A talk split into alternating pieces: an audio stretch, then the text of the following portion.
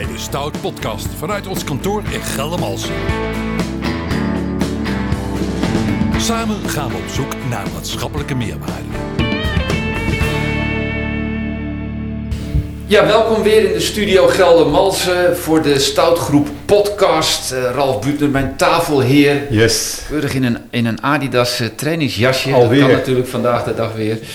Um, aan tafel bij ons in deze podcast hebben we Rick Verdellen, welkom. Uh, werkt bij de Stoutgroep, onder andere als projectleider Rijk van Nijmegen. En Nienke Gravenstein, programmamanager integrale geestelijke gezondheidszorg. Dat is een mond vol. Ja. Voor wie doe je dat? Waar ja, doe je dat? dan wordt de mond nog voller. Dat Ja. uh, doe ik voor uh, Iriszorg, ProPersona en de twee RIBW's in de regio's uh, Gelderland-Zuid en Gelderland-Midden. Mooi. Ja, Ja. heel mooi. Nu gaan we het hebben over sociaal domein. Nu doen we de podcast al een paar maanden. Dat sociaal domein is eh, eh, heel vaak... eh, Ja, ik noem het heel vaak, Jan. Jij noemt het heel vaak, maar leg mij nou eens uit als leek. Wat is nou eigenlijk sociaal domein en wat do- doen jullie daarin? Rick, Nou, sociaal domein is eigenlijk een. eh, God, ja, dat is eigenlijk best wel ineens een hele, ja, een hele lastige vraag. eigenlijk is dat eh, zo'n beetje alles wat, eh, wat, eh, wat te maken heeft met eh, ja, zorg en ondersteuning, werk en inkomen, sport en gezondheid.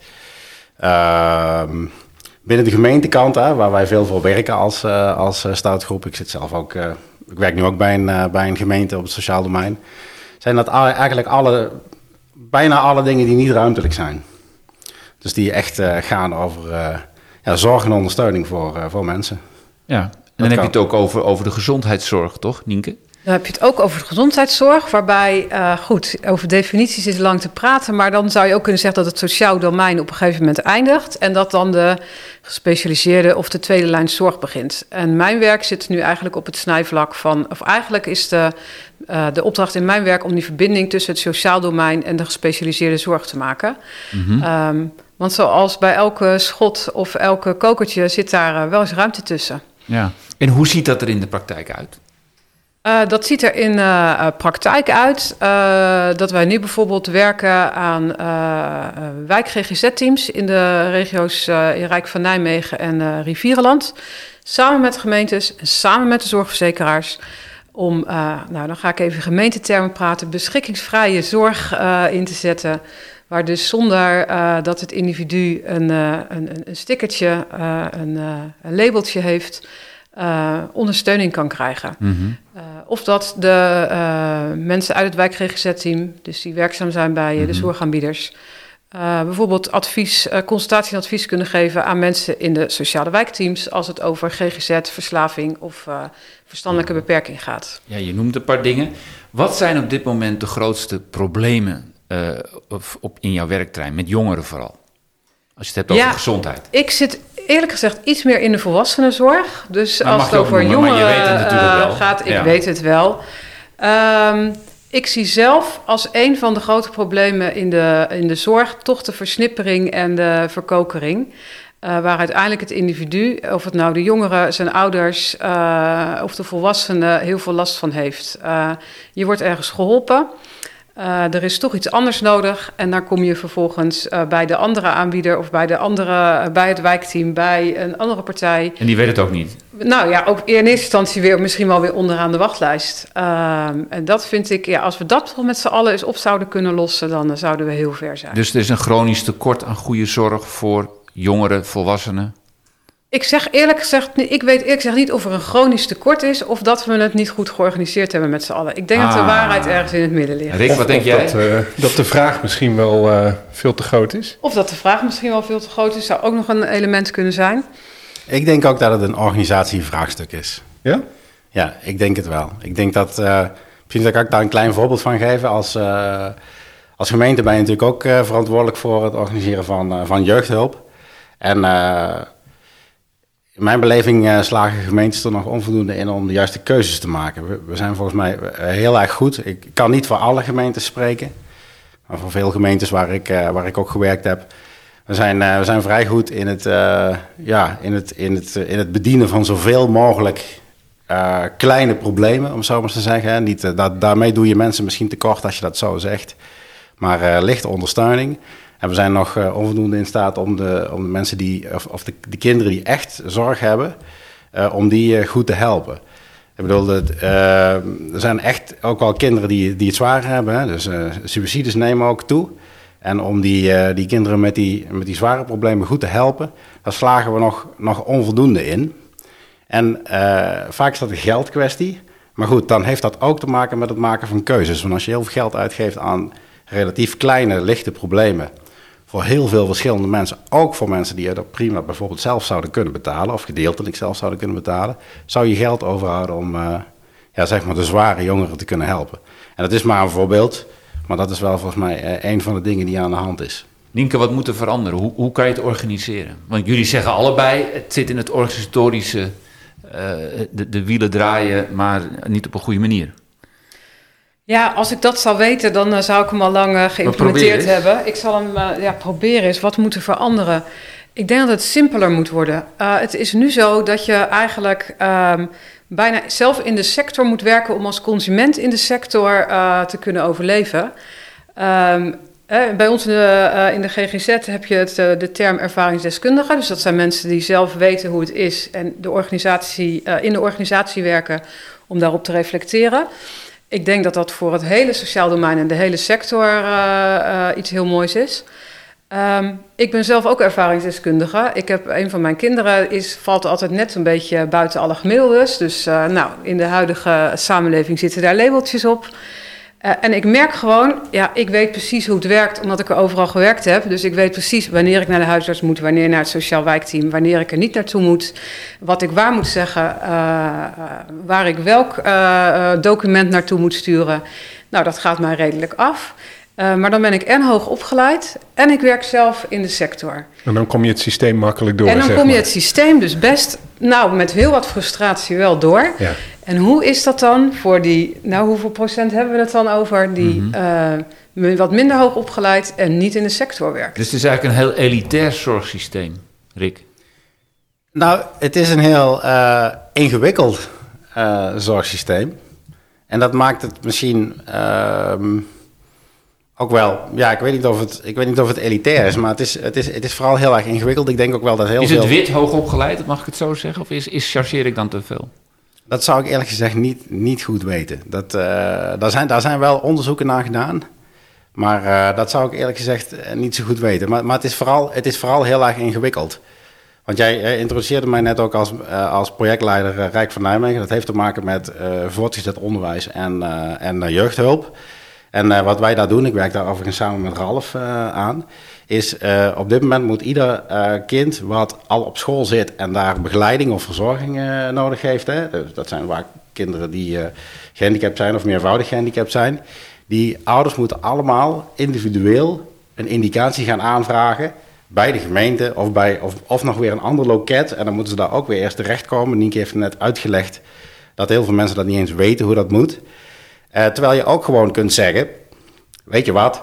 Uh, we, geven, we geven een som geld aan, aan die school of aan een zorgaanbieder en die organiseren dat dan allemaal. Want er zitten soms honderd kinderen op die school die allemaal een eigen uh, verzorger hebben.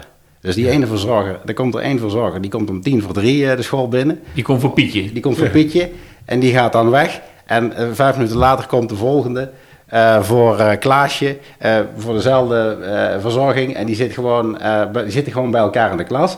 En dat heeft, dat soort gekkigheid, heeft wel te maken met hoe wij het georganiseerd hebben. En daar, ja, dat, is, dat zijn dingen waar wij ons graag hard voor maken. Zowel Nienke als ik, volgens mij ook. Om dat, dat soort dingen juist proberen te verbeteren. En, en misschien even proberen om daar de positieve kant van toch maar van in te zien. Wel, welk doel dient nou die ingewikkelde manier van organiseren? Wat, wat zit daar nou eigenlijk voor gedachten achter? Want er moet toch ook iemand verzonnen hebben die dat met goede intenties gedaan heeft?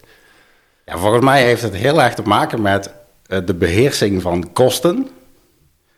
Uh, men probeert het zo precies mogelijk te doen, omdat men geen stuiver te veel wil betalen voor, voor de zorg. En het zou, ja, zo passend mogelijk zeg maar, zou, zou moeten zijn. Maar daar zijn we denk ik wel op een aantal fronten een beetje in doorgeslagen.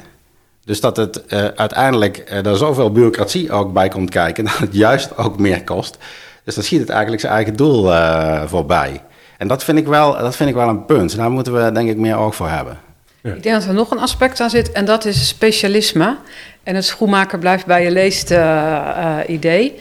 Dat we natuurlijk op een gegeven moment. Sowieso, sommige dingen zijn specialistisch. Je kan misschien ook niet van een school verwachten dat die ook alles weten over zorg. Uh, soms is het specialisme ook echt nodig, maar ik denk dat we daar op sommige gebieden misschien ook te ver in doorgeschoten zijn. Um, ja, dus die twee dingen, de beheersbaarheid en de specialisatie. Dus het ook gewoon echt heel goed willen doen. Dus niet uit durven gaan van de uh, uh, ja, maar, daarmee, verstand. Daarmee bedoel je dus, een, een kind heeft een probleem. Uh, en voor dat probleem moet hij dan naar een specifiek iemand toe, terwijl een ander dat ook mee zou kunnen nemen. Maar die mag dat niet, of dat is afgebakend. Zo zit de wereld toch een beetje in elkaar. In die ja, of die is niet ingekocht. Of, ja, ja. Ja, dus, dus je kan niet buiten je, buiten je trein uh, werkzaam en adviezen geven. En zeker niet op medisch vlak. Ja, daar zit dan, uh, ja, op het medisch vlak heb je natuurlijk je papieren nodig. Dat, dat, uh, dat staat denk gelukkig ik, dat staat buiten kijf, dat is gelukkig maar. Mm -hmm. Maar desondanks zit, ja, zit daar gewoon te weinig flexibiliteit in dat, in dat systeem. Zijn we doorgeschoten daarin? Jij zei het eigenlijk al, hè? Moeten de ouders gewoon zelf meer oplossen? bedoel, waar, tot hoe ver reikt uh, de zorg?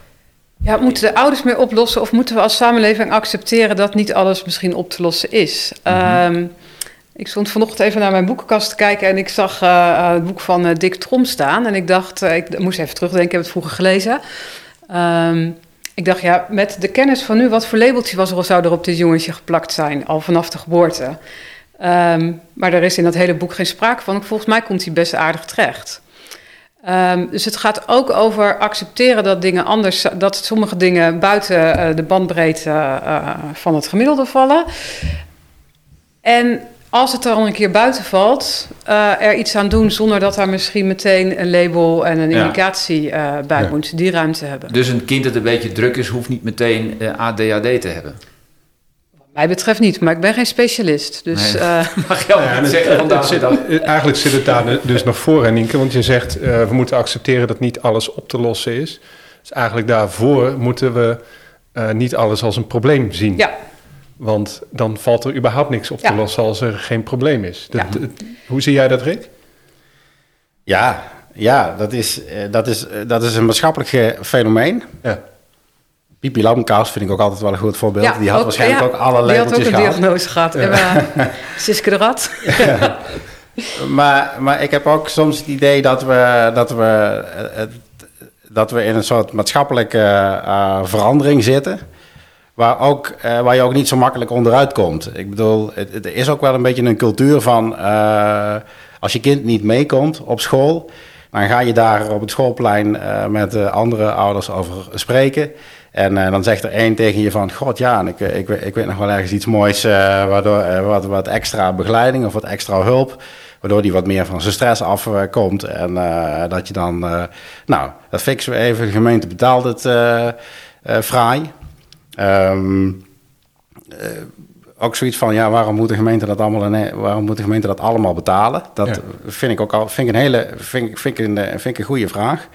Ik zeg niet dat de gemeente niks moet betalen, maar dat we daar op zich wel kritisch op moeten zijn. Maar dat is, uh, uh, ja, um, dus er wordt, er wordt gewoon meer zorg ingezet en de, de zorg wordt daardoor ook duurder. En dat is een maatschappelijk gegeven. Maar als je, als je nou, kijk, voor, voorheen was zeg maar het sociaal domein ook een beetje het domein waarin juist een beetje tegengas werd gegeven aan een aantal maatschappelijke bewegingen. Um, en nu lijken we, lijken we er juist middenin te zitten en er uh, aan mee te doen. Um, is het sociaal domein wel als domein op zich hè, in staat om, om dit probleem dan ook uh, te keren? Um, ja, ik heb, het, ik heb het te doen hoor, met, uh, met, met, met zorgprofessionals. Ik denk niet dat die dat alleen kunnen. Want ik ben wel eens, ja, ik ben, ik ben echt, ik ben een ambtenaar, dus ik spreek nooit uh, met, uh, met burgers, maar ik ben wel eens meegegaan met een, uh, met een zorgverlener. En ik heb ook gezien hoe sommige mensen ja, op een bepaalde dwingende manier om zorg vragen. Hè? Dat is wat Nienke net probeerde uit te leggen. Ik weet hoe dat moet. Als ik het wil, krijg ik het ook. Ik ga hier de ruimte niet uit met een, met een stapeltje zorg. Mm -hmm. Dat krijg ik gewoon. Mm -hmm. En dan vragen wij van die, van die professional om een beetje tegengas te geven. Uh, nou ja, zorg maar eens dat hij ook eens wat zelf oplost. Ja, dat is... bijna not done, denk ik. Ja, dat is bijna not done. Dat zijn hele lastige gesprekken. Ik geef, ik geef het je te doen. Ja. Mm Maar is de, is de problematiek van die aard, ik denk, jij zegt suïcide, uh, drugsgebruik, uh, de, de, de mobiele telefoon, hè, als je het hebt over jongeren, jongvolwassenen, alle prikkels die ze krijgen. Uh, is het sociaal domein, hè, hoor mij die term gebruiken, ja, en, de, en, de, en, de, en de zorg uh, uh, eigenlijk continu bezig aan het, aan het herstellen en, en moet je niet meer naar die preventieve kant? Dat je zorgt dat ze niet in die zorgverlening hoeven te komen. En hoe doe je dat dan? Hoe, en hoe, hoe, hoe verdringt eigenlijk de zorg uh, uh, in, in alle problemen die er zijn onder jongeren? Ja, maar in die zin is dat volgens mij niet dat de zorg preventiever uh, de preventie moet doen van al deze problemen of uitdagingen. Ik denk, ik denk niet dat de zorg kan oplossen wat er breed in de maatschappij nou ja, scheef groeit of anders zou moeten. Uh, daar heb je uiteindelijk de hele samenleving voor nodig en niet alleen het sociale domein ja, of de zorg. Dat weet ik, maar nu werken jullie op lokaal niveau. Um, kom eens met, met, met, met, met, met voorbeelden waarin je toch denkt, nou willen we toch een stap in gaan maken. Dat we als zorg niet worden overbelast. Dat we als zorg niet al die, die kleine dingetjes hoeven te doen. Hoe, hoe, hoe, kunnen, hoe kun je daar op lokaal niveau iets aan gaan doen? Ik denk dat het, als het al toegankelijker zou zijn voor mensen. Dus zonder uh, dat ze zonder stigma of formele, meteen een, een, een, formeel proces ergens aan kunnen kloppen. Uh, dat dat al een heel stuk helpt. En natuurlijk niet voor de zorgmeiders die niet aankloppen. Ik denk dat dat al heel veel zal doen als we dat, met, als we dat kunnen organiseren. Ja, maar nu en dat jij... gebeurt ook al. Oké, okay, heel goed. En nu kom jij in Nijmegen op het werk morgen, Rick. En hoe kan jij dit proces dan in gang zetten? Wat, wat is je macht? Wat is, je, wat is je bewegingsruimte? Hoeveel medewerking is er? Zijn mensen die naar je luisteren of totaal niet? Um, jawel, dat wordt, dat, het, het wordt gevoeld, het wordt ook gezien. Het is uh, niet, niet heel eenvoudig om dat, uh, om dat op te lossen op het niveau van een gemeente. Wat je op het niveau van een gemeente wel kan doen, uh, is, is om niet te bang te zijn om te investeren in, in preventie. Bijvoorbeeld, ik, ik, werk nu, naast dat ik in, in Nijmegen werk, werk ik ook in Venlo. En daar is ook een, een heel klein voorbeeld, hè, een initiatief vanuit, vanuit de wijk zelf om een jongerencentrum in een wijk van Venlo te herwaarderen met een aantal burgers die zelf daartoe het initiatief hebben genomen om dat jongerencentrum weer te openen. En om ja, jongeren uit de wijk, dat is Blerik, dat is een, ja, toch wel een wat, wat minder goede wijk. Uh, jongeren daar op te vangen en uh, daar te ondersteunen en bezigheden uh, te geven. En dan ook met, met die jongeren te praten, wat ze bezighouden, et cetera. Op het moment dat je dat als gemeente ondersteunt, wel vooral ook zijn eigen gang laten gaan en niet over gaan nemen, maar gewoon dat initiatief daar laten, maar wel ondersteunen, dan draag je denk ik wel bij op, op een klein niveau, maar dat, dat is volgens mij ook prima om op, om op een klein niveau daaraan, uh, daaraan bij te dragen. Maar je moet dat zeker niet gaan frustreren. En uh, ja, je moet ook wel een beetje voeling hebben met wat, wat belangrijk is. Als je dat niet zou subsidiëren, zou dat echt heel erg dom zijn. Mm -hmm. Dat is mijn persoonlijke mening. Gelukkig denkt, uh, denken al mijn collega's daar hetzelfde over als ik. Dus is dat van de grond gekomen. En, en, waar, en in deze hele problematiek, hè, want zo komt het wel op mij over. En is het natuurlijk ook, zoals jullie het ook omschrijven. jij begint wel beetje te glimlachen. Nienke, waar word jij blij van in je werk? Waar krijg je energie van? Um, ja, ik vind het, maar goed, dat is dus een intrinsieke motivatie voor mij. Omdat het zo ingewikkeld word, is, word ik er blij van om het uh, uh, behapbaar te maken voor uh, gaan ontrafelen. te gaan ontrafelen. Um, en wat voor mij altijd mijn grote drijfveer is, is ja, toch de professional in de zorg. Dus de mensen, nou ja, niet altijd aan het bed, maar in de beeldspraak. Um, die al zoveel uh, letterlijk in die zorg doen en dan ook alles wat daar eromheen zit er nog bij krijgen. Om dat stuk voor hen een stukje makkelijker te maken, dat is wat mij uh, dagelijks drijft. Mm -hmm. En waarom ik ook nog steeds werk uh, in het sociale domein, in de zorg. Um, ja. ja. Hoe lukt dat in jouw huidige, huidige rol om, om daar mee aan de slag te gaan en om daar progressie in te boeken? Um, Dat ben ik zelf nog aan het verkennen. Ik ben daar nu een paar maanden, dus ik ben zelf nog volop aan het uh, dit, uh, dit, dit, deze nieuwe uh, structuren aan het ja, onder, ondervinden. Um, maar ook daar, wat, wat ik daar bijvoorbeeld meeneem, is mijn ervaring in het gemeentelijke. Ja. Um, want als je wilt samenwerken met het sociale domein en de gemeente, is het wel goed als je, als je weet hoe, de, hoe een gemeente werkt. En dat als er een, uh, een gesprek, een bestuurlijk gesprek is met de wethouder, dat het uh, goed is om dat ambtelijk even voor te bereiden. Nou ja, Rick die weet hoe dat uh, in elkaar zit. Ja, dat soort kleine dingen, om daar dan vervolgens het tempo weer wat mee te kunnen vergroten. Um, daar, ja, dat zijn nu de kleine dingen. Hoe ik het, ja, het totaal in de GGZ en toch ook het ingewikkelde daar. Ik vergelijk het laatst met een, uh, een katamaran, zo'n zeilboot met twee uh, mm-hmm. onderdelen, waarbij de GGZ drijft op aan de ene kant de gemeentelijke financiering en aan de andere kant de zorgverzekeraars en nog een stukje WLZ. Ja. En dat maakt dat echt een, ja, een boot die volgens mij heel snel kan gaan als je hem goed bestuurt. Um, maar ook lastig te besturen is. Ja, ja. En, en voor, als je kijkt naar, um, naar zeg maar de patiënten of de, de, de cliënten in, mm -hmm. in de GGZ, wat zie jij dan als, als belangrijkste opgave en op welke manier kun jij daar dan als programmamanager een rol in spelen? Ik denk dat er een van de belangrijkste opgaven zijn toch ook de wachtlijsten. Uh, en ook de wachtlijsten onderling. Dus dat gewoon dat een cliëntreis uh, vanaf nu gewoon soepel verloopt zonder elke keer een hiccup omdat er ergens op gewacht moet worden. Ja. Ik denk als we dat met z'n allen uh, kunnen bereiken en dan echt een doorgaande lijn van beginnend in dat jongerencentrum waar iemand misschien al uh, een keer is geweest of ook altijd komt, tot en met misschien ergens in zijn leven gespecialiseerde tweede lijn zorg nodig heeft, maar daarna ook weer terug kan gaan naar uh, dat wijkcentrum. Als we dat zonder uh, hiccups en vloeiend met, elkaar, met elkaar kunnen organiseren, dan gaan we volgens mij gauw toekomst op, op, op, hoe organiseren we de boel? Ja. ja. Wat is voor jou echt waar je blij van wordt? Waarom doe je dit werk? Ik word, ik, word, ik word blij van de dingen die, uh, die, uh, die, die eigenlijk gebeuren zonder dat ik daar zelf bemoeienis aan heb. Mm -hmm. dat voorbeeld van, van die Bleekse burgers die, uh, die, dat, die dat jongerencentrum hebben gereanimeerd, om het zo maar te zeggen. Ja, daar word ik blij van. Daar heb ik helemaal niks aan gedaan.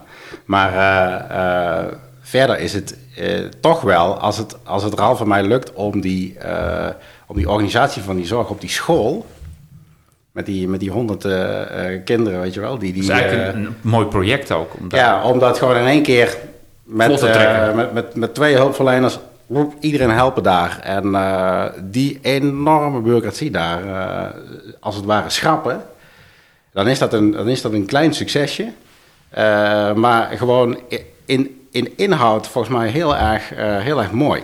Want dan mhm. laat, daarmee laat je eigenlijk zien van het kan, ook, het, het kan ook allemaal wel eenvoudiger en we kunnen ook samenwerken. Want de wereld van hè, de, die, die katamaran uh, waar jij het over hebt. Ja, wij zijn bezig met, uh, met, met gemeente en onderwijs. Dat is ook zo'n katamaran. Ja. ja. Weet je wel? Dus dan heb je.